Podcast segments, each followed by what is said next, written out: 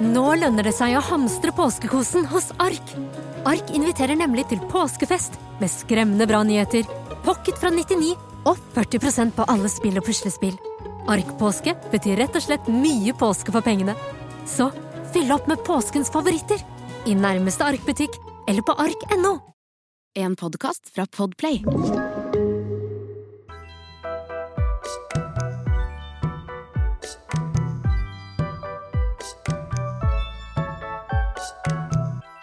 Det her har jeg gleda meg til. Hun jeg har i studio nå, har jeg reist verden rundt med. Du er moteekspert, og du er gründer, og du er journalist, og nå har du egen podkast. Som har kommet på topp ti på mote og skjønnhet. Gratulerer med det. Tusen takk. Velkommen i studio, Silje Pedersen. Tusen takk. Så gøy å være her, altså. Det har jeg gleda meg skikkelig til.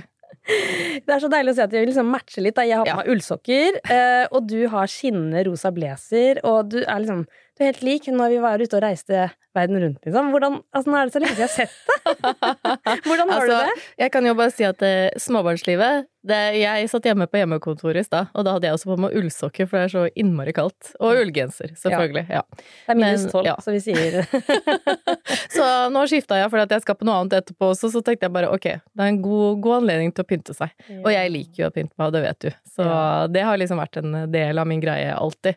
Jeg elsker å pynte meg, men jeg liker også veldig godt å gå i jeans og ullgenser og bare være helt nedpå. mm, Det er derfor podkasten din også heter eh, Sneakers og høyhæler. Nei, omvendt. Høye hæler og sneakers. Ja. Ja. og det er jo litt av poenget, ikke sant? Mm. At eh, ja, vi reiste i verden rundt på høye hæler, og gud, da jeg løp på Fashion Week, hadde jo de ballerinaene i vesken for å kunne skifte, fordi at jeg ble jo så sinnssykt sliten av de høye hælene. Du òg. Ja. Og det var jo så Jeg skulle gøy. ha kamera i tillegg. Jeg filma jo deg. Ja, så, så du løp jo med kamera på ryggen og alt, Ja, ikke sant? Og så, men jeg hadde jo gudskjelov Veldig ofte hadde jeg med skift, da. For jeg er jo sånn person Jeg er litt praktisk, selv om jeg er også litt forfengelig. Perfekt kombo.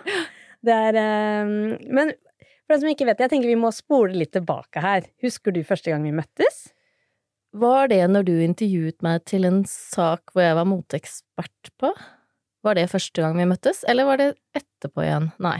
Nei, det husker ikke jeg. Nei. Men uh... For, for det jeg husker veldig godt, var at du uh, intervjuet meg for noen saker på VG. Det var før min mote. Så intervjuet hun meg på meg noen saker, og så brukte meg som moteekspert. Ja, nå husker jeg Ja, det! og så Jeg var tror jeg hadde hadde en idé om at, om at uh, på et eller annet på kontoret så var det en eller annen snakkis, så tenkte jeg men det her kan vi lage en sak om. Og så tenker jeg men Silje, hun har jo Det er Mote-Silje. Og da jobba jo du der også, kanskje med underholdning eller noe, tror jeg. Jo, jeg hadde, vært, eh, jeg hadde jo vært på flere ting, eh, og vært litt sånn rundt i media, og Ja. så tror jeg egentlig at jeg på en måte hadde begynt å få den standingen, da, med som moteekspert, fordi jeg hadde uttalt meg om en del ting. Mm. Eh, Jeg hadde jo akkurat Nesten akkurat startet blogg. Jeg tror det var litt under et år gammelt. eh, Og var jo på en måte litt i vinden. Dette var jo 2007.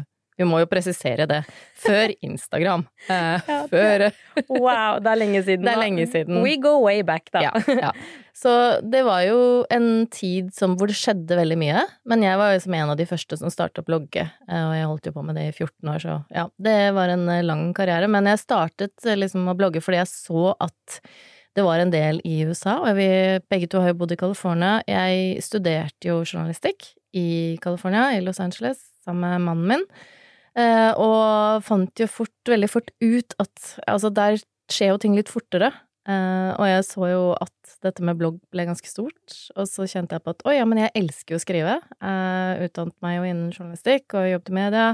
Ok, det- dette prøver jeg, selv om det blir gøy. Og så var jeg veldig, veldig passionate og lidenskapelig opptatt av vintage og second hand fra veldig Det har jeg jo vært fra jeg var jo yngre. Moren min jo, har jo vært designer og hun har jo gjort alt mulig rart med klær, eh, og designet fantastiske ting til meg og broren min når vi var små. Vi hadde jo alltid sånne hjemmelagde klær som alle Jeg tror liksom det var enten sånn som alle ville ha, eller som de bare syntes var veldig rare.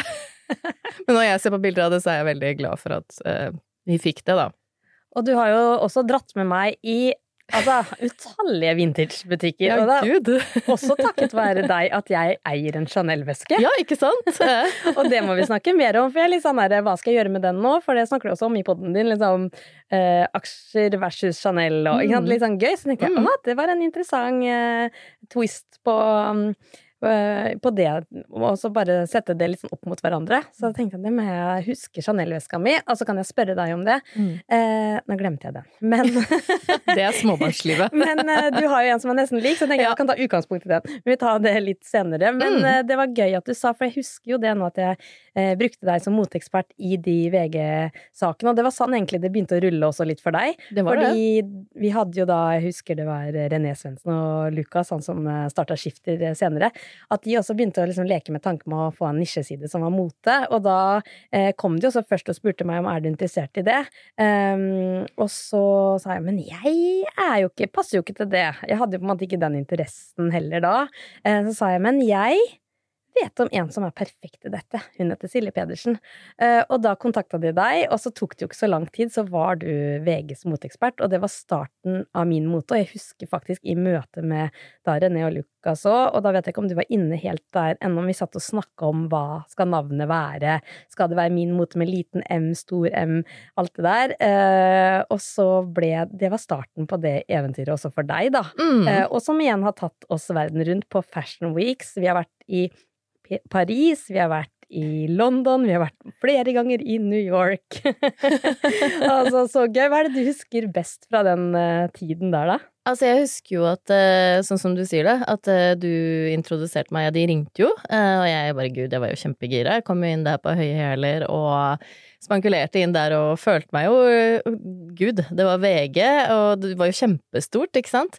Og jeg kan jo også si at jeg har jo aldri hatt, jeg har aldri hatt en sånn spesifikk drøm om å jobbe i Elle eller Vogue.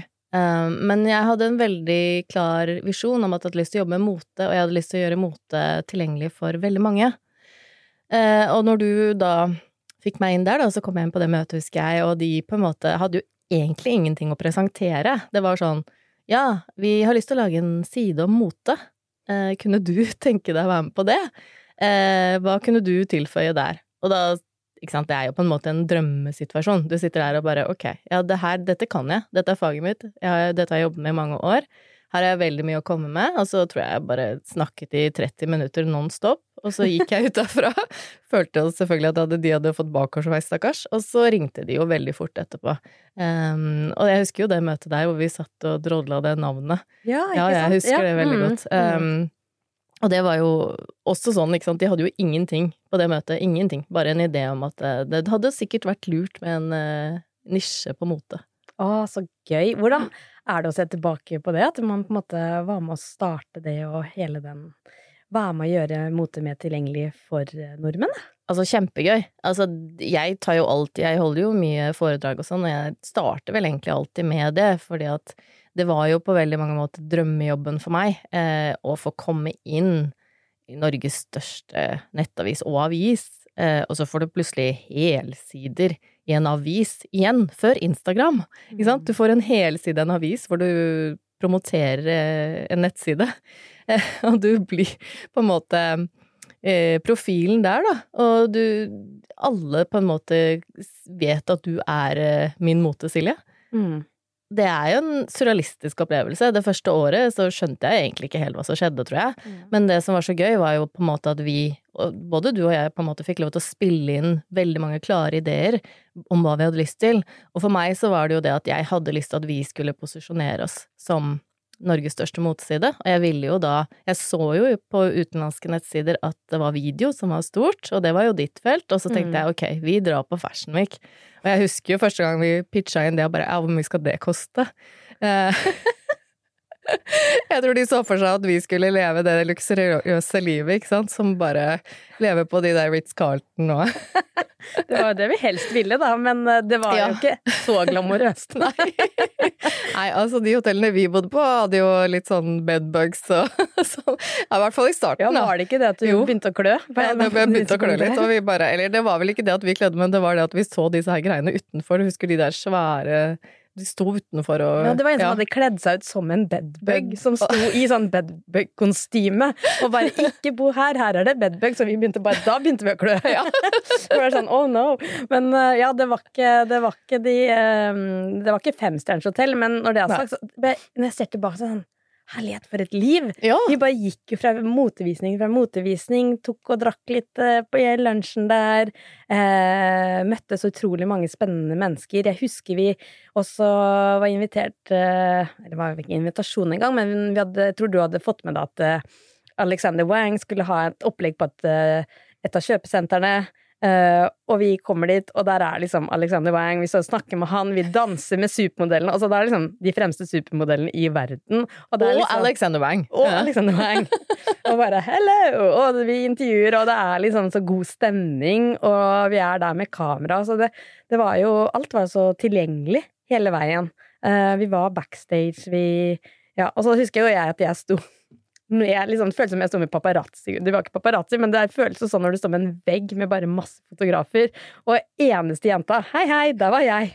Så sto jeg med kameraet mitt og skulle filme dette, og sto ved siden av Reuters og AP og alle de andre liksom fremste mediene i verden. Og så der sto jeg og filma, liksom. Det hadde vi ordna, på akkreditering og alt. Eh, og så, I høye hæler. Ja, ja. I, og du, hadde, du var liksom alltid veldig finkledd, altså, og du hadde korte skjørt, og du, var liksom, du skilte deg veldig ut. Da. Og det var jo veldig funny. Og etter hvert som vi gjorde det flere og flere ganger, så begynte de jo å kjenne deg igjen. De visste jo hvem du var. Og det var Ja. veldig morsomt òg da. Ja, det var veldig gøy. Og så husker jeg faktisk at uh, det var uh, ja, Det var gøy, men når du hadde hoppa videre til KK, og det var et litt sånn eh, Et tomrom, fordi vi visste ikke hvem som skulle få jobben, og da steppa jeg litt inn. Mm. Eh, og da husker jeg at jeg var på Paris Fashion Week, og da hadde jeg jo Chanel-veska som jeg hadde kjøpa med deg. Og jeg kom der eh, og var invitert til de største visningene, og da begynte jo de å ta bilder av meg til Street Style, og det, noen ganger så gikk jeg forbi, men så så de at ah, hun har Chanel-veske, så uh, excuse me, nå må jeg stoppe og ta bilde.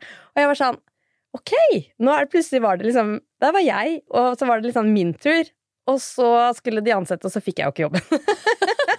så det var veldig kortvarig. Men det var dritgøy, så da tenker jeg ok, men det, det er jo litt gøy å være på den siden òg. Men, Ja. eh, men samtidig så blir det sånn ok, du er opptatt av den Chanel-veska, det er da du tar bilde.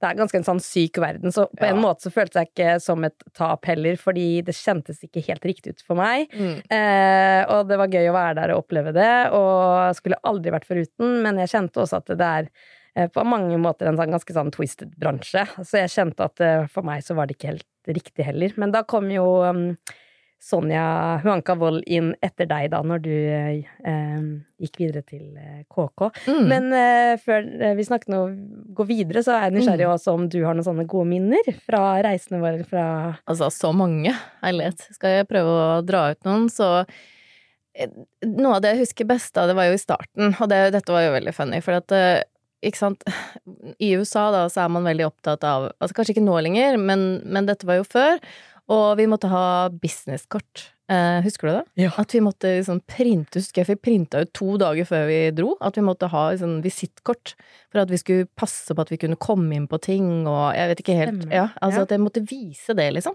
Eh, Det er ikke noe vi var så vant til her hjemme, men det var kjempeviktig. Og jeg husker at det drassa meg det overalt, og hver gang jeg glemte, så var det et kjempeissue. Um, og det var jo ikke akkurat å bare ringe hjem til VG, eller altså, det er ikke noe du bare fikser. Du måtte på en måte bare vise at du Og det var jo ingen som visste hva VG var for noe heller. Uh, så dette var jo noe vi måtte bygge opp. Um, så jeg husker veldig godt noen sånne situasjoner hvor vi på en måte sto og skulle prøve å komme inn, og så hadde jeg glemt de kortene.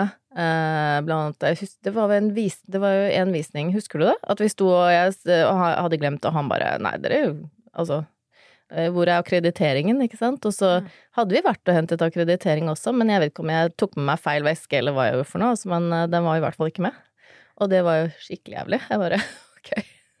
Og da var det sånn at Nei, sorry, ut av køen, du, dere er ikke invitert her, liksom. Ja, så måtte det- vi snu i døra. Ja, vi måtte Nei, dette ja, husker, du ikke ikke. Nei, sånne Um, ting fortrenger åpenbart jeg. Jeg ja. husker bare at vi var på all.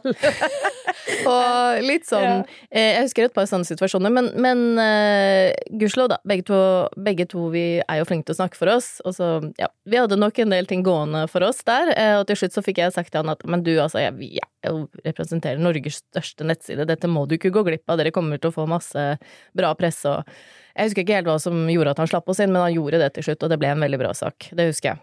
Så de glemte ikke det igjen. og så eh, Ja, det har jo vært flere sånne situasjoner hvor eh, Ja, eller det tror jeg da, da var ikke du med. Eh, det var en annen gang. Men um, ikke sant, det tar jo tid å bygge seg opp en tillit, og du får disse akkrediteringene, og for hver gang du er der, da, så i New York er kjempestor New York Fashion Week er kjempestort, og jeg forventet jo ikke Altså, jeg er såpass oppegående at jeg forventet ikke at vi skulle få lov å sitte på front row med Anna Winter og de her, eh, når vi kom der fra Norge og ingen aner hva du er. Eh, men det må også sies at det, det gikk ganske fort, da, fra å sitte på rad 14 til å plutselig sitte på rad 2. Mm. Eh, og det tror jeg også kommer av at vi leverte veldig bra ting, og det ble lagt merke til. Eh, og det var gøy, og i Norge var det jo ganske innovativt å lage motevideoer eh, fra mm. resten av verden. Det kan vi jo bare si. Eh, var jo, vi, vi var de første på det. Ja, så var det ikke sant, at vi tok jobben så seriøst òg. At mm. vi eh, Vi jobba jo faktisk ræva oss når vi var på tur. Eh, jeg husker jo det noen ganger vi, vi satt jo og klippa mens vi var der. Jeg satt jo på hotellrommet til klokka noen ganger langt, langt på natt. Ikke sant? Skulle få det over til Norge. Og, så vi Det var ikke sånn at vi filmer nå, så klipper vi når vi kommer hjem. Det var sånn ikke sant, skulle være real time også. Mm, eh, og mm. bare det også var innovativt. At man mm. jobba såpass tett opp mot uh, publisering. Og ja, mm. når uh, fashionshowet var nå, så vil vi helst også publisere nå. Eller ja, i hvert fall når ja. nordmenn våkner hjemme. Mm. Så, så, det husker jeg veldig godt. At um, så glamorøst ut, men fy søren som vi sto på også for å få dette til, da. ja, det gjorde vi jo. Den, den, eh, jeg skulle fortelle om nå i stad, det var at jeg ja, skulle på en veldig stor visning, eh, og det var jo kjempespennende. Jeg kom inn der, og så plutselig så, så jeg at jeg var blitt satt på rad syv eller noe sånt noe.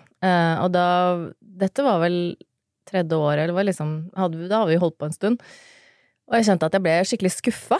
Um, hadde liksom trodd at vi skulle få lov å sitte på Ja, da hadde jeg blitt vant til å sitte på ganske nære, da, uh, og få se godt. Uh, og så gikk jeg opp til, husker jeg, tenkte jeg ok, jeg går til hun her som står og står med seatingplassene, Og så gikk jeg og spurte, og så tenkte jeg det, det koster meg jo ingenting å spørre, og kan jeg få en bedre seating? Eh, så jeg gikk bort til henne og snakket med henne, da, og så sier hun liksom 'Å, nei, gud, har jeg plassert deg der?' 'Ok, nei, men sorry, du kan komme hit, selvfølgelig'. Og så fikk jeg sitte på front row. Mm. Og det var Altså, det, det, var kjempestort. Jeg kjente at det var så gøy. Mm. Eh, og på en måte Da da kjente jeg på en måte at you have made it, da. det, that was your moment. Ja. Men, men hvorfor er det så viktig, tror du, for oss, og på en måte plasseringene. For det er det jeg tenker på nettopp i den motebransjen, at alle måler hverandre, ikke sant. Hvem er det som blir tatt bilde av? Det er jo utenfor, det er jo helt kaos. Det er nesten sånn eh, jeg må le litt òg, ikke sant. Mm. At det er om å gjøre å bare overgå hverandre. Man kommer dit, man er ikke spesielt høflig eller hyggelig mot andre. Det er nesten sånn skikkelig konkurranse. Det er om å bli tatt bilde av, og hvor du sitter. Det er sånn Oi, hun sitter der, hun sitter der. Eh, som jeg nesten tenker er litt sånn Det er Ja, det er eh, ikke bare nesten sunt, da blir mm. så målt hele tiden. Eh, ikke sant? Og der sitter du på første rad, der kjenner du at åh, nå har jeg øyeblikket. Og, mm. hvorfor, er, hvorfor er det sånn, tror du? Ja, altså, en av grunnene Altså, for å si det sånn, da, det var jo ikke alltid sånn at eh, fotografene løp og tok bilder av eh, moteredaktørene og sånn utenfor eh, visningene i alle år. Det var ikke alltid sånn. Det var jo en trend som startet, og det startet vel rett før vi dro, omtrent. Det, mm. det, har ikke vært sånn alltid. Eh, men det har bare liksom eskalert og blitt så mye større. Eh, og jo flere og flere influensere, og jo større som kommer, eh, jeg mener Kardashians og så videre, ikke sant, så vil man jo på en måte ha de bildene, og de er ettertraktede, da. Så da går de jo verden rundt, og da blir det jo en sånn stor greie. Men jeg kan bare si at det fra For det, dette startet jo samtidig med at vi dro eh, begynte å reise. Men for meg var det liksom veldig stort å sitte på front row fordi jeg har den lidenskap og interesse for mote som jeg alltid har hatt, og det å få se ting close up, det er noe spesielt for meg. Og dette var også før vi hele tiden skulle filme alt. Eh, jeg satt og så virkelig på tingene alle designerne. Jeg syns det er kjempespennende eh, design, hvordan det er utført, altså små detaljer. Og veldig ofte så får man jo som moteredaktør også få lov å komme backstage etterpå og se på, kjenne på. Eh, man kan også sånn go see etterpå, hvor du får liksom ta på materialene og sånn virkelig kanskje snakke med designeren da, og få litt mer innblikk i hva som skjer. Så for meg har det alltid vært det eh, som har vært liksom hovedgreia. Men så kommer jo det der med at det blir et sånt press, på en måte, da, med hvilke motredaktører er det som sitter på første rad, hvem er det som er viktig, ikke sant, Mm. og selvfølgelig Vogue og Elle og alle disse de største navnene, liksom, de var jo alltid det, men nå har jo ting forandret seg litt igjen nå, da. Så det handler jo, nå handler jo om en miks, da, av eh, både moteredaktører, influencers, kjendiser, det er jo gud, gud, gudene veit, det er mye rart. Jeg tenker, eh, hvis jeg, Hvem som helst andre som hadde sagt det der og bare kommet tettere på detaljene, hadde sagt det, så hadde jeg nesten ikke trodd dem. Men når det gjelder deg, så tror jeg, tror jeg deg.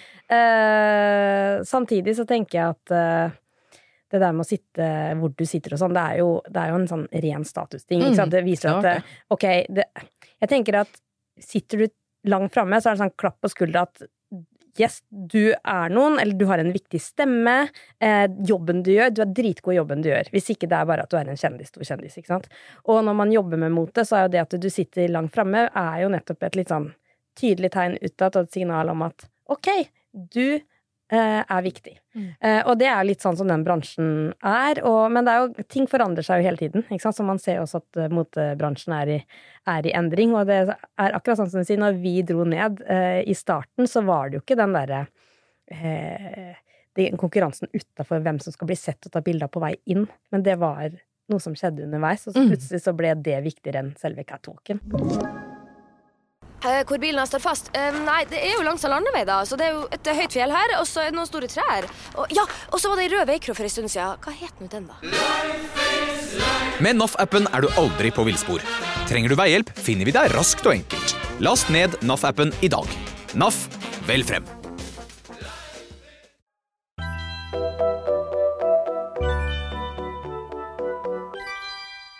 Nå er vi jo småbarnsmødre begge to, Mm. så jeg tenker sånn, jeg må le litt av det. Jeg tenker at å, vi var slitne da, jeg jobba lenge. Nå er sånn, eh, hei, hei, nå har jeg begge to barn, og liksom sliten. Det har fått en ny betydning etter man har blitt mamma, har det ikke det? Eh, jo, altså concealer og sånn under eye gel, det er min beste venn. Det har det vært Ja. i mange år. Så- Under eye gel har jeg ja. aldri testa. Altså, det, det, liksom... må du teste. Det Ja, sånn, Du ser det at jeg bør ja. teste det. Kanskje etter i natt. Ja. Jeg har ikke sovet så mye i natt, så du har helt rett i det. Ja, men så bra. Men jeg har aldri testa. Men det er rett og slett sånn du bare legger Er det gel du tar på, eller er det sånn sånn du legger litt sånn kaldt i kjøleskapet og så legger på? Jeg legger det i kjøleskapet, og jeg kjøper Du kan kjøpe mange forskjellige, men jeg liker en sånn stick eller en roll-on som du da legger i kjøleskapet, og hver morgen jeg kommer ut på kjøkkenet og er skikkelig trøtt, så drar jeg det under øynene på en måte sånn, ruller det litt sånn forsiktig. Og så bruker jeg en sånn roller, sånn jade roller i ansiktet, um, som er kald. Selv om det er iskaldt, ikke sant. Jeg står jo og hutrer. Men eh, altså, det hjelper. Det er et veldig godt tips, altså. Hvis, okay. Og det har jeg brukt uh, siden jeg ble mamma, egentlig. Ja. Mm. Bra tips. Og du er jo veldig god på å dele tips òg. Det er det du eh, lever av, egentlig. Og Mm. dele gode tips. Og nå gjør det, du det også i podkasten din. Eh, og så ble jo jeg nysgjerrig når jeg så plutselig at du hadde den der linken Chanel eller aksjer. Ja. Eh, og så glemte jo jeg veska mi, men du tok med din Ja. egen. Jeg sa du må ta Ja. med din som er nesten lik Ja, min. Nesten lik. Eh, Mm. Nesten lik. Mm. Uh, og den her ser jeg også er godt brukt. Den er Og du har også brukt. sånn her, Ja at den stikker opp her. Du, ok, nå ja, holder jeg en ja. Chanel-veske. Hvilken modell er dette? Det er en 255, men den er jo fra 80-tallet. Ja. Eh, Det er en double flap, Uh, og den kjøpte jeg da før denne hypen. Eh, Jeg kjøpte den for en veldig god pris, og jeg tror også du Ja, rundt 10 000. Ja, 13 000 betalte jeg for min. Og jeg 13 000, husker mm. at Mm. eh, jeg gikk inn i den butikken, og uh, jeg hadde jo egentlig ikke noe liksom, plan engang. Og så sto jeg der. Altså, nettopp vi hadde jobba så mye, jeg hadde tjent mine egne penger lenge. Jeg var sånn uh, Var der eh, beruset på Fashion Week og alle disse nydelige plaggene. Så står jeg der med deg, så tenkte jeg hvis jeg først skal være i en vintagebutikk For jeg var livredd for å kjøpe noe som ikke er ekte. Mm, Men da sa mm. du den her er ekte. Du Mm. visste akkurat hva du skulle se etter, den lille Mm. lappen inni. Eh, og så husker jeg gikk ut av butikken og ringte Andreas. Jeg har lyst til å kjøpe denne veska. Jeg er klin gæren, skal jeg gjøre det? Han bare Det syns jeg du fortjener. Så jeg fikk liksom samtykke. Og så gjorde jeg det. Mm. Eh, det var selvfølgelig mine penger, men det var bare at jeg syntes jeg var så ville og gæren og skulle i det hele tatt bruke så mye penger på en veske. Det er eneste gangen jeg har gjort det og så har jeg aldri angra, for jeg har brukt den så mye. Og så har jeg tenkt på det mange ganger, Silje. Sånn, hvor mye er den verdt i dag? Mm. Fordi plutselig så dukka det opp på Tice, og så jeg bare den veska blir 60 000. Kødd! Akkurat den Mm. samme veska Mm. som jeg betalte 13 for, ligger ute til 60 000 og mer. Og Ja, ja. også noe mindre, da. Mm. Men eh, så jeg tenkte sånn, ja, men det får jo ikke jeg for min, for min er jo så godt brukt. For mens andre er sånn, å, den skal jeg bare bruke i spesielle anledninger, så har jeg kasta den over skuldra, brukt den, elsker det, har liksom bare hatt den med. Altså ikke til hverdags så veldig, men når jeg skal ting, da. Mm. Eh, hvor mye er den verdt i dag? Eh, Jeg tipper at den der kunne ha blitt solgt kanskje for rundt 40-50. Men igjen, de er jo godt brukt, da, sånn at det, det går litt ned når du har brukt de så mye som oss. Men jeg er også litt opptatt av det, at um, det er en bruksvare. Når du kjøper en ting, så skal ikke det henge i garderoben og vente på en anledning. Sånn har jeg aldri, aldri levd livet mitt.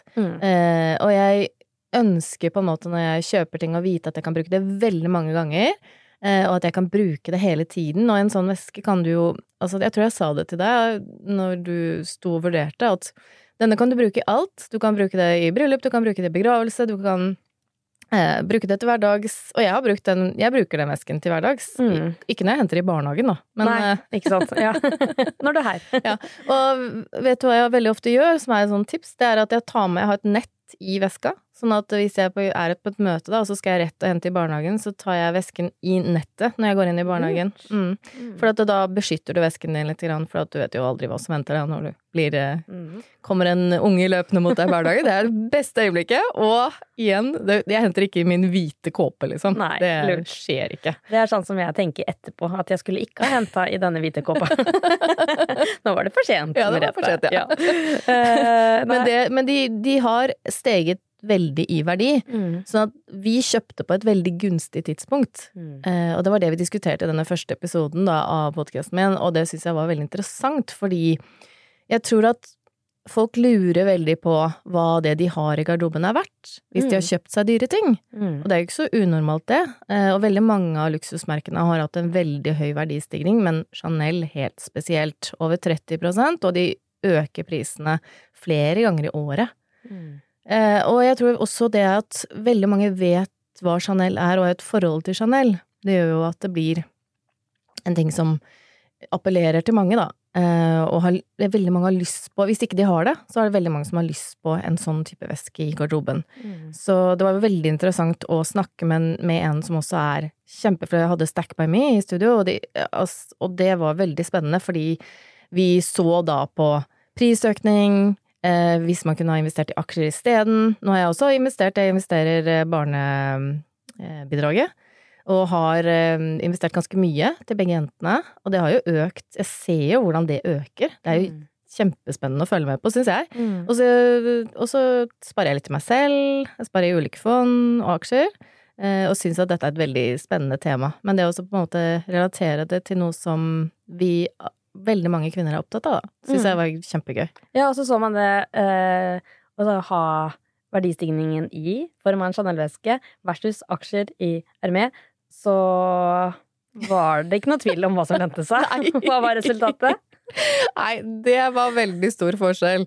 Eh, så det var vel eh, Var det 7000 mot 90, på en måte? Ja. Eh, ikke sant? Sånn at det er jo helt hinsides. Hvis Da i favør mot aksjer. Mm. Så jeg tenker at det er klart, men, men igjen, da. Jeg hadde ikke nå er, vi, altså, nå er jeg i en helt annen situasjon enn det jeg var når vi ikke hadde barn, var rundt og reiste verden rundt. Eh, var jo sammen med mannen min og vi hadde leilighet, men nå har vi hus og veldig mye lån, og du vet, tidene forandrer seg, og alle I fjor brukte jeg masse sparepenger på strømregninger. mm. Eh, jeg hadde ikke hatt råd til å gå og kjøpe en veske til 100 000 nå. Det er helt uaktuelt. Mm. Så jeg er veldig glad for at jeg har kjøpt alle de veskene jeg har på min reise, da, som en Og det har vært min interesse. Eh, Mm. og det tror jeg jeg sa til deg også, at du kommer aldri til å angre fordi at du kommer til å bruke det såpass mye, og isteden da, for å kjøpe Jeg husker du- du var sånn som kjøpte sånn én veske her, én veske der, og så var det så brått 500 kroner, 500 kroner. Plutselig er det veldig mange tusen kroner Mm. som man ikke har tenkt på. Mm. Og hvis du hadde da spart de et par tusen kroner, og så lagt på litt til, så er du der. Mm. Ikke nå, da, men den gangen. Ja, men Mm. jeg husker det at du var med på å få øynene mine opp. for- Man er ung, da, og man har Mm. liksom Ok, jeg skal på byen, jeg kjøper en kjole, ikke sant. Mm. Den derre bruk og omtrent kast. Da. Du kaster ikke, men du samler opp. Mm. Og ikke er det bra for miljøet, og ikke for lommeboka. Ikke, ikke? Heller si ok, hvis jeg sparer litt, og så heller investere i noe jeg virkelig har lyst på, og bygge opp en garderobe. Der er det jo unikt god, Mm. og inspirert meg, og jeg kan godt trenge litt mer inspirasjon igjen, jeg, fordi Det er ikke alltid jeg er like god på det fortsatt, men stadig på en måte Ja, man er bevisst, da. Ja. Um, så det er eh, Nei, det er kjempe, kjempespennende. Men det jeg lurer på med min Chanel-veske, Mm. den er veldig slitt. Ja. Uh, jeg har ikke kvitteringen, og det merket som viser at den er ekte, det er jo slitt bort. Mm. Hva gjør man Mm. da? Nei, det kan være litt vanskelig når det blir såpass slitt. um, så kan det være litt vanskelig å da, når det merket også er borte.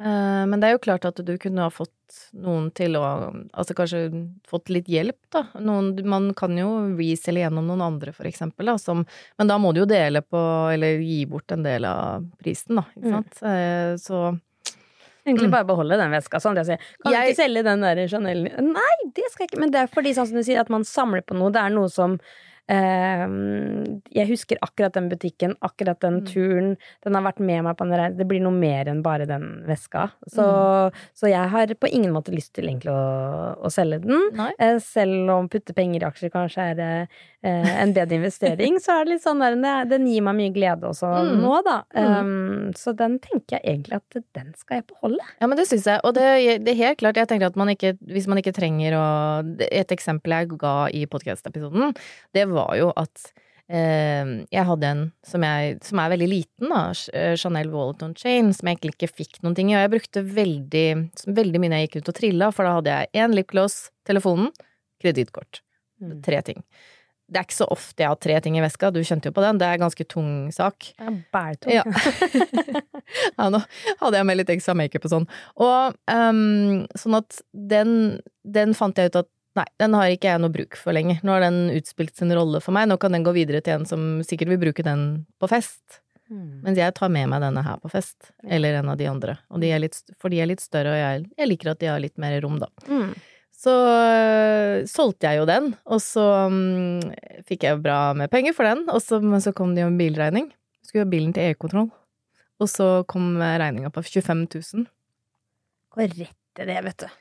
Og er sure er penger. så surt. er det borte. Jeg hadde jo tenkt å putte de pengene rett i aksjer, ikke sant? Og så bare ja da, det var kjempegøy. Bilmekk isteden. Fy søren, ass. Er- Ja, ja. Men jeg tror liksom de fleste kan kjenne seg igjen i det siste året. Ja. har jo vært ganske tøffe for Ja. mange. Og eh, sånn å få strømregning på strømregning ved et Mm. gammelt hus, eh, og i fjor var det helt horribelt med de strømregningene. Jeg satt og bare grein når jeg fikk de strømregningene. Tenkte bare ok, greit, det er jo bare å punge ut, men dritkjipt. Mm. Men jeg kjenner jo også at veldig mange av mine vaner som jeg la meg til tidligere, har forandret seg. Eh, og jeg har jo, som jeg har sagt til deg tidligere, vært veldig bevisst da, på at jeg kjøper nesten ikke kaffe ute, for eksempel. Fordi jeg har regna på det, da. Hva 40 eller 50 kroner for en som, som, som meg, da, som skal ha havremelk eller Mm. eh, laktosefri melk, eh, blir per kaffe. Når du kjøper det, hva det blir i året, det har jeg regna på ganske mange ganger. Og det er jo et par fine designersko, da. Ja. Så Da velger du designsko. da velger jeg designersko. Da tar jeg med kaffe. Og de kan du selge igjen nå. Den Mm. kaffen, mm. den er borte. Den er borte. Ja. Så det var en råfin vane jeg hadde i mange år, helt til jeg begynte å regne på det, og kjente at nei, det er ikke interessant for meg lenger. Gøy altså, med økonomiske tips. Og så tenker jeg altså du eh, driver også for deg selv, eh, har et firma og eh, har to små barn. Eh, jeg lurer på, når vi først snakker om liksom tips, hva er det du gjør for å ha stressmestring i, i hverdagen og ja, én ting er det, men samtidig også motivere deg selv, fordi man driver selv. Har du noen liksom life hacks som du bruker? Mm. Det er jo eh, vanskelig Jeg tror at det kreves en viss type person for å jobbe for seg selv. Jeg har alltid vært veldig strukturert. Jeg har alltid vært en sånn person som jeg har stått opp om morgenen og Jeg, jeg er B-menneske, altså, men jeg har stått opp med en, en visjon og eh, veldig sånn drive. Eh, og det tror jeg på en måte Det passer deg veldig godt da, som en gründer eller å jobbe for seg selv, rett og slett. Eh, men de siste årene nå eh, Jeg ble jo mamma i litt litt eldre alder enn en mange, fordi at jeg hadde jo da Det har jeg vært veldig åpen om. Jeg hadde endometriose, og stått fram i media om det, og tok oss lang tid, mistet flere ganger, og så ble jeg endelig gravid med Ella Victoria, og da var jeg jo 39. Så var jeg 44 når jeg ble gravid med Emilie Celine. Eh, og så, i fjor da, så kom jeg i overgangsalderen. Eh, dette har jeg også snakket om i podkasten. Og det var, en, det, det var en tøff tid, altså. Eh, for jeg mistet mye av energien og overskuddet mitt, og jeg ble veldig deprimert. Jeg kjente ikke meg selv igjen. Skjønte bare hva er det som skjer med meg? Hvor er Silje blitt av, hun som har så mye energi, overskudd, glad, blid hele tiden? Hvor er hun? Jeg skjønte ingenting, altså. Eh, Men etter hvert da så skjønte jeg jo Gikk det fort eller gradvis? Altså, de første hetetoktene kom sånn eh, rett etter at jeg sluttet å amme. Men, så da var jeg bare hun halvannet. Men det var bare det jeg fikk. Og så plutselig så brakk jeg armen på ski i januar. Nå i år, altså. Eh, og så mm, lå jeg hjemme, og så ble jeg bare en dyp depresjon. Altså, var, og så vidt jeg kom meg ut av sengen. Men det var, jeg hadde jo smerter, da. Hadde vondt i armen, og jeg tenkte jo at liksom det er kjipt å brekke ut høyrearmen, da. Du får ikke gjort noe, ikke sant. Jeg husker jeg skrev liksom måtte sitte og skrive med venstre på Instagram, og Ja. det var en veldig spesiell opplevelse. ja. Eh, og så er jeg vant til å jobbe veldig mye, være veldig mye ute blant mennesker og sånn, og så plutselig så var du på en måte så langt nede, da. Det var kjempekjipt. Men eh, så fikk jeg gudskjelov hjelp, da, og har kommet meg og fått behandling og sånn, og nå føler jeg meg mer som meg selv. Eh, men jeg våkner veldig mye på natten, og da i tillegg til å våkne, bli vekket av små barn, Mm. så skal du bli vekket flere ganger av deg selv midt på natten, du sover dårlig. Så jeg har bare funnet ut at jeg måtte ta veldig mange grep for å bli bedre, og for å kunne komme tilbake til der hvor jeg var, eller få mer overskudd, da. Mm. Og den første tingen er at jeg går og legger meg veldig tidlig. Mm. Jeg har byttet ut Netflix. Jeg, jeg ser på Netflix fordi at jeg liker å se før jeg går og legger meg. Jeg liker å slappe av med det. Eller så leser jeg bok. Mm. Hvor tidlig snakker vi? Ja, mellom ni og ti. Mm. Mm. Det er goals for meg og det, altså. Og det kommer du inn i når du Mm. kommer inn i en rutine etter Mm. hvert hvor du er så sliten at jeg kjente bare jeg orker ikke mer. Jeg Mm. må få snudd dette. Hva er det viktigste? Og da leste jeg en artikkel om søvn, og det skjønte jeg at ok, jeg må gå og legge meg tidligere. Det er det som kommer til å snu ting for meg, og det gjorde det. På bare en uke så følte jeg meg så mye bedre. Ja. Så snu det. Eh, Mindre tid på Netflix og mer tid med boken i sengen, eller bare få liksom slappet av, og så ja, få tankene over på noe annet, og så, og så sove godt. Jeg jobber ofte på kvelden eller bruker tiden med Andreas, da, så det Mm, spiser av kjærestetiden. mm. Og det er det jeg kjenner òg, at vi koser oss så veldig. At jeg får ikke lyst til å legge meg, for sånn, endelig har vi voksentid. Så jeg Mm. sliter litt med å faktisk gå og legge meg. Uh, men innimellom så er jeg bare helt utslitt, så jeg sovner med barna, og så våkner jeg opp i senga til Amelie liksom, på natten og går og legger meg. Altså, Ja. fordi man ikke klarer mer, men da har det Nei. gått for langt. Så det er det Mm. å klare å gjøre det, og heller, ja, eh, enda kjappere på kjærestetid, da, at man liksom Men så skal det jo ryddes, og det er så mye ting man skal gjøre, da. Så jeg bare Å, jeg har ikke tid til å skal legge meg tid, så går det spiser det av den tiden. Jeg syns det er vanskelig, men jeg hører du sier det, og jeg vet at eh, for meg òg hadde det vært kjempetihjelp. Men det går an å gjøre det noen ganger i uka, kanskje Ja. ikke hver dag. Ikke sant? At man Mm. innimellom gjør det, og det har jeg sagt til Andreas, sånn, nå legger vi oss oppe med hver vår bok, bare. Ikke sant? Mm. Og, og gjør det koselig, og tenner litt lys, og gjør det litt sånn kos i senga òg. Mm. Eh, og det har vi gjort i det siste flere ganger, og det er så koselig. Og vi har liksom soverom oppe, så man har litt sånn utsikt ut mot naturen. Og, altså, det er bare å gjøre det til en koselig ting, da. Ikke Mm. se på den Netflixen. Og for innimellom Vi har jo eh, ikke TV lenger, for den har vi satt bort. Men vi kjører opp monitor, monitor ja, sånn monitorprosjektor. Ja. Og da Men nå har vi gjort det litt mer i det siste, og nå er det liksom mørketid. Så den Ja. kommer, og da koser vi oss ille. Og det er én episode til, så har vi begynt med det der igjen, da. Som vi ikke har hatt i det siste, ikke sant? Fordi vi har jo ikke sett på TV. Men nå er det sånn én episode til, så nå er vi litt sånn på underskudd av det òg, så da er det også vanskelig for å legge seg. Men jeg hører eh, det er et veldig viktig og bra tips som jeg også skal ta til meg, som sikkert mange som hører på tenker også, at eh, bare det å innimellom legge seg klokka ni Mm. kommer til å hjelpe mye. Det Når hjelper mye. merker så stor effekt etter en uke. Kjempeeffekt. Ja. Og så øh, følger jeg noen sånne veldig store amerikanske gründere, som også Det var de som på en måte, når jeg så hva de Veldig mange av de går og legger seg tidlig, og de står jo også opp sånn klokka fem. Det, det gjør ikke jeg, altså. Det Mm. skjer ikke. Men jeg jobbet jo i radio i mange år, og måtte opp halv fire. Og det, det vil ikke jeg tilbake til, for da, da ble jeg helt ødelagt i kropp og hjerne og alt. Så vi ble jo vekket seks, mellom seks og halv syv uansett, ikke sant, av ungene våre. Så eh, det føler jeg er en grei tid å stå opp på i, i hverdagen, og da går det jo ganske greit med liksom alt, da. Men eh, en annen ting, da, det er å få frisk luft. Jeg sitter jo ofte på hjemmekontor, eh, og det blir jo ofte sånn at man blir stressa og har deadlines og så videre, men jeg har bare blitt veldig strukturert på at i lunsjen, da, så går jeg meg uansett en tur, Uh, eller så går jeg ut, og så tar jeg møtene uh, mens jeg går, sånn at jeg hele tiden får bevegelse. Jeg kommer meg ut, jeg sitter ikke bare stille hele tiden, da. Eh, og det hjelper også veldig. Og så få dagslys nå hvor det er så mørkt hele tiden.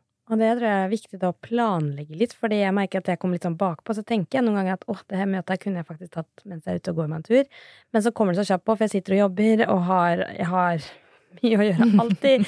Sånn at liksom jeg ofte kan til og med glemme å spise. Sånne dumme ting som man ikke gjør. Så sliter jeg med hodepine, liksom. Man må jo i hvert fall spise, da, og gå en tur. Og så får jeg ikke til det grunnleggende, som høres så enkelt ut, men som noen ganger oppleves som det motsatte. Jeg får det ikke helt til. Um, men det å planlegge det litt, da si ok, se på kalenderen, har jeg et møte klokka tolv eller ett, da. Eh, nei, men da tar jeg på meg tur til. Nå er det kaldt. Da vet jeg at da må jeg gjøre ting liksom klart. Så jeg har en plan, sånn at når det nærmer seg, så er jeg kledd på meg eh, og går ut. Og er ute og går når møtet starter. Og det, når jeg ikke rekker det, så skal du begynne å kle på meg. Det får, man jo, det får man jo ikke til. Så det er nøkkelen. Så det er også note to self. Og når du sier det, at det skal jeg bli enda litt bedre på selv. Og så tror jeg vi må bare slippe det derre mm, perfeksjonisme-greiene eh, om at eh, sånn som du snakket om i stad, det er så mye som skal gjøres på kvelden. Ja. Jeg har en venninne som sa til meg hvis du setter deg en vekkerklokke altså på klokka på ti minutter, og så bare rydder du så mye du kan. Og så når du har rydda så mye du kan på ti minutter, så er du fornøyd med det. Da er du Yay. ferdig med det. Det har jeg tatt til meg. Eh, det gjør jeg. Og jeg tenker også at man må bare slippe det der med at det skal være perfekt. Når vi hadde besøk i går, og det kom litt liksom brått på, skulle bli med hjem fra barnehagen, jeg bare kom fra et møte og rakk så vidt hjemom og kasta inn i gangen, og så tenkte jeg bare å gud, liksom, hvordan ser det ut her? Og fikk bare tørka over kjøkkenbenken i hvert fall og sånn, da. Men så tenkte jeg at eh, vet du hva, det er andre småbarnsmødre, så det, de har det akkurat sånn. Ja. Det er ingen som har det perfekt. Ikke sånn. Så dette går helt bra. Og så Det er koster vi oss. Ja, Mm. det er det. Det. Og så kommer de, hjem, så er det bomba med en de kommer. Ja. Det spiller ingen rolle, ingen som ser det. Men det er så rart åssen vi med en gang skrur på sånn Å, nå kommer det noen. Å, da må jeg rydde litt i gangen. Altså, ikke sant? Som, som om det spiller noen rolle. Og jeg er også så veldig pro lave skuldre, men jeg merker jo også at jeg må jobbe med meg selv. At jeg kan kjenne at å, nå kommer svigermor. Ja, men da vil jeg liksom Å, kanskje jeg skal Det her burde jeg støvsuge.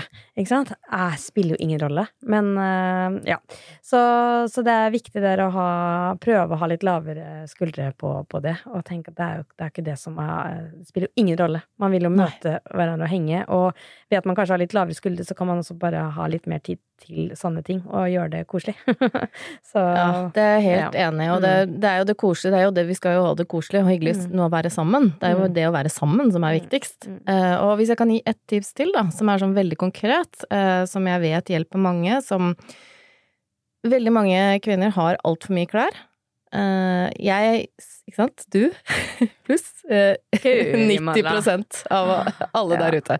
Uh, jeg vet, min jobb er jo på en måte å inspirere, og, men også ønsker jeg på en måte å systematisere at folk kan sette ting i system, fordi veldig mange, veldig mange kvinner bruker 30% av det de har i garderoben. De strekker seg etter det samme om og om igjen, og så får vi favorittplagg, det vet jo du også veldig godt, ikke sant, som vi bruker og vi føler oss komfortable i, og så blir 70% av garderoben hengende der. Hvis du klarer å planlegge på søndag, og jeg vet dette er vanskelig, kanskje søndag eller mandag, da, når du føler at du har litt overskudd, bare planlegge uka di litt, med antrekk. Og vet du hva, nå ser, ser du ser på meg og bare what, hvordan skal det gå an? Men dette er jo det jeg jobber med, jeg jobber jo ofte sånn én til én og sånn. Um, og når vi har snakket om dette her, og folk har på en måte fått litt sånn forståelse for hva jeg mener, og de begynner å henge opp ting Mm. og jeg mener ikke at du skal eh, planlegge alle antrekkene dine, men for eksempel ta frem et par ting du ikke har brukt på veldig lenge, da. Og du tenker at ja, jeg liker jo fortsatt det, den blazeren eller den genseren, og så bare henge det opp, og så bare ja, hva kan jeg bruke det med da, som jeg ikke har brukt det med før?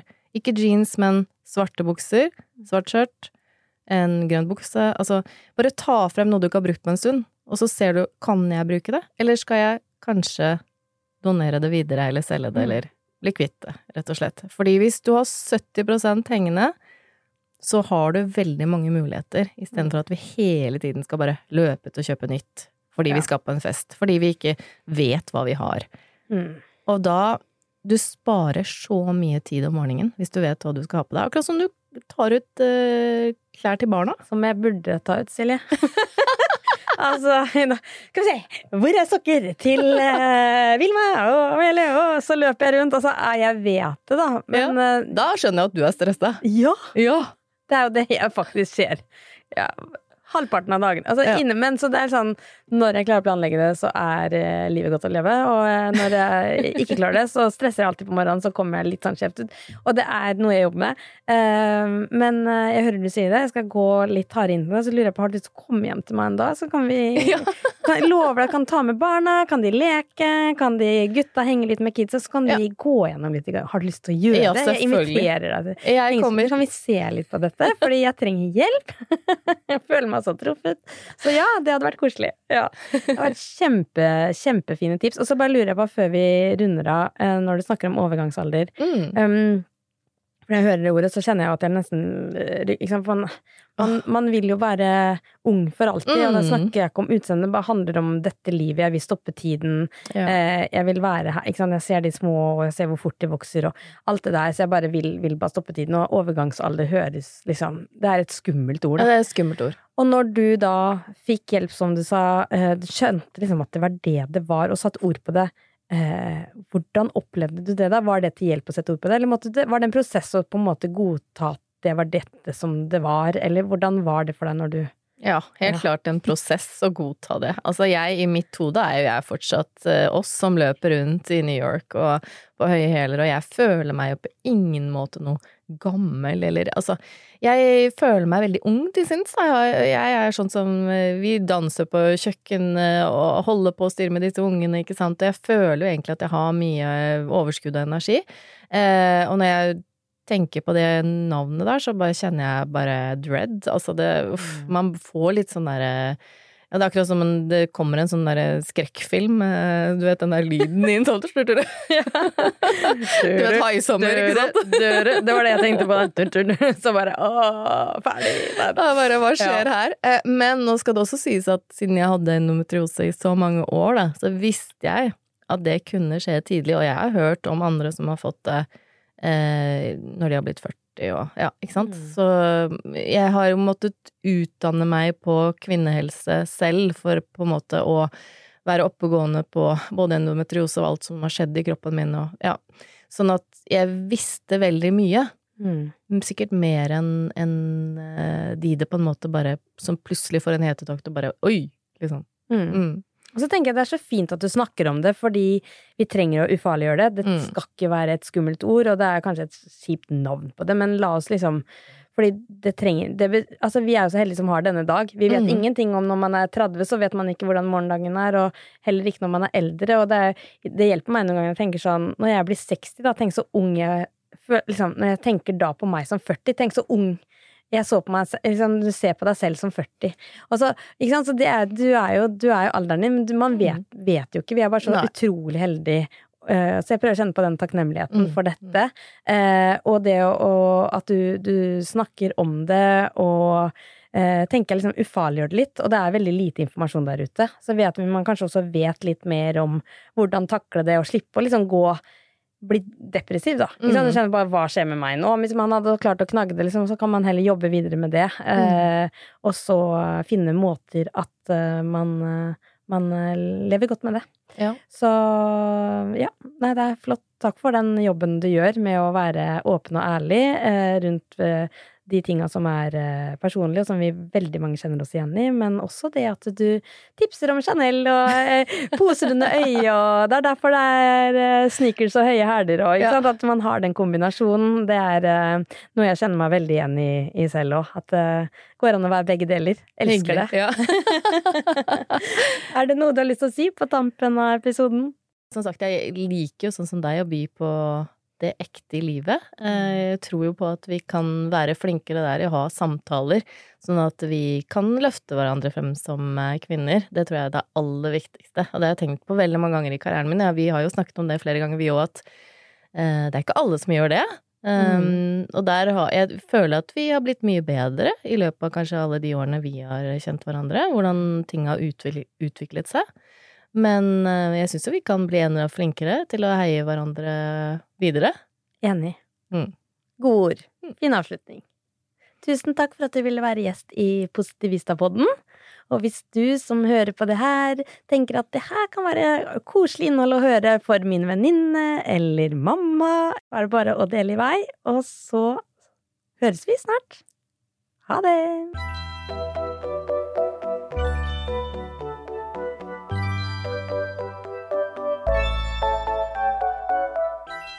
Du har hørt en podkast fra Podplay. En enklere måte å høre podkast på. Last ned appen Podplay, eller se podplay.no.